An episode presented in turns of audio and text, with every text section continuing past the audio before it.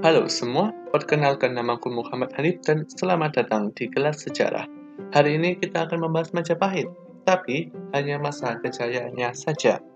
Jadi, siswa sejarah, siapkan bantal guling dan selimut kalian karena ini waktunya sejarah. Pada tahun 1350 Masehi, seorang pemuda naik tahta. Ia bernama Hayam Uruk. Ia masih seorang remaja saat itu. Tapi kalian tak perlu khawatir, Remaja ini didampingi oleh seorang yang lebih bisa diandalkan. Ia adalah Gajah Mada, sang pemersatu Nusantara, dan Amangkubumi Majapahit. Dan jika kalian tidak tahu arti Amangkubumi, Amangkubumi memiliki arti Perdana Menteri. Hayam Wuruk mewarisi kekayaan yang sangat besar, sumber daya yang sangat besar, wilayah yang luas, dan keberagaman yang sangat beragam. Nah, seperti resep sempurna untuk kekacauan.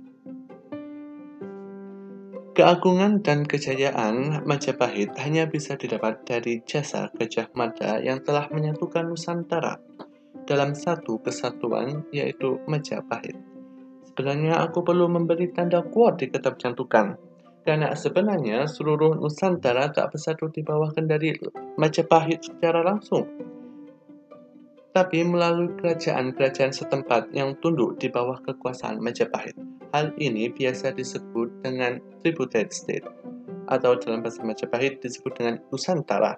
Side note, tahukah kalian Ki Hajar Dewantara menggunakan kata Nusantara untuk menggambarkan wilayah yang membentang dari Sumatera sampai Papua.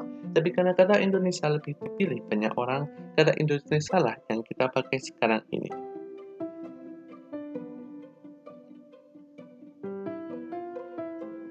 Dengan sistem ini, setiap negara yang berada di bawah kendali Majapahit akan memberikan upeti kepada Majapahit sebagai bentuk tunduk mereka.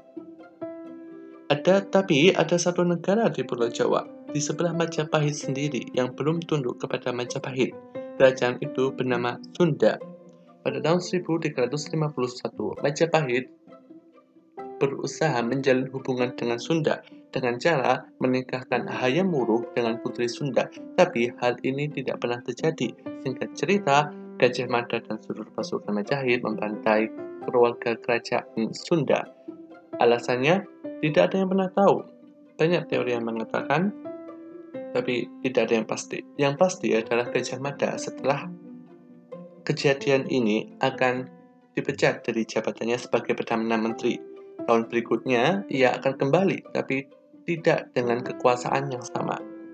Sekarang, mari kita beralih ke hal yang paling menyenangkan tentang Majapahit, yaitu toleransi dan keberagaman. Salah satu contohnya adalah, tahukah kalian kalau hanya Muruk beragama Hindu, sedangkan Gajah Mada beragama Buddha? Tapi tak ada persatuan yang sangat di antara mereka.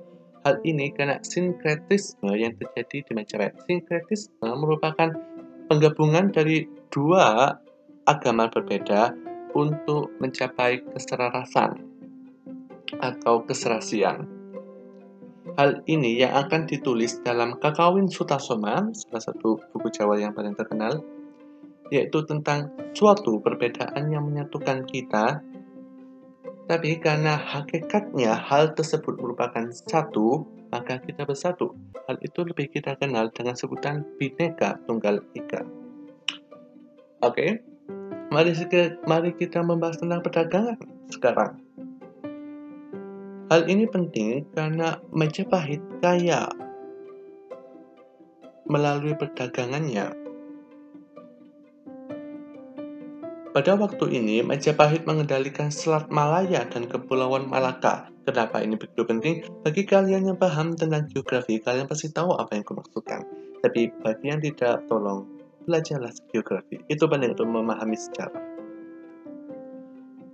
Kepulauan Malaka memiliki pala, dan siapa pun yang menguasai Malaka akan mendapatkan pala tersebut pada saat itu, pala merupakan salah satu bahan paling dicari oleh para pedagang. Jadi, siapa pun yang mendapatkan pala akan mendapatkan pedagang pula. Kerajaan Majapahit juga menguasai Selat Malaya. Untuk mendapatkan pala, semua pedagang dari barat Indonesia harus melewati Selat Malaya dan setiap pedagang yang melewatinya akan dikenai pajak. Saat aku bilang pedagang, maksudnya banyak pedagang. Hal inilah yang membuat Majapahit benar-benar bersinar dengan semua kilauan emas dan perak. Tapi di, tapi di setiap lahirnya masa jaya akan datang pula masa akhir dari kejayaan tersebut. Hal ini terjadi pada 1364 Masehi saat Gajah Mada wafat dan tahun berikutnya 1389 Ayam Wuruk pun menyusul.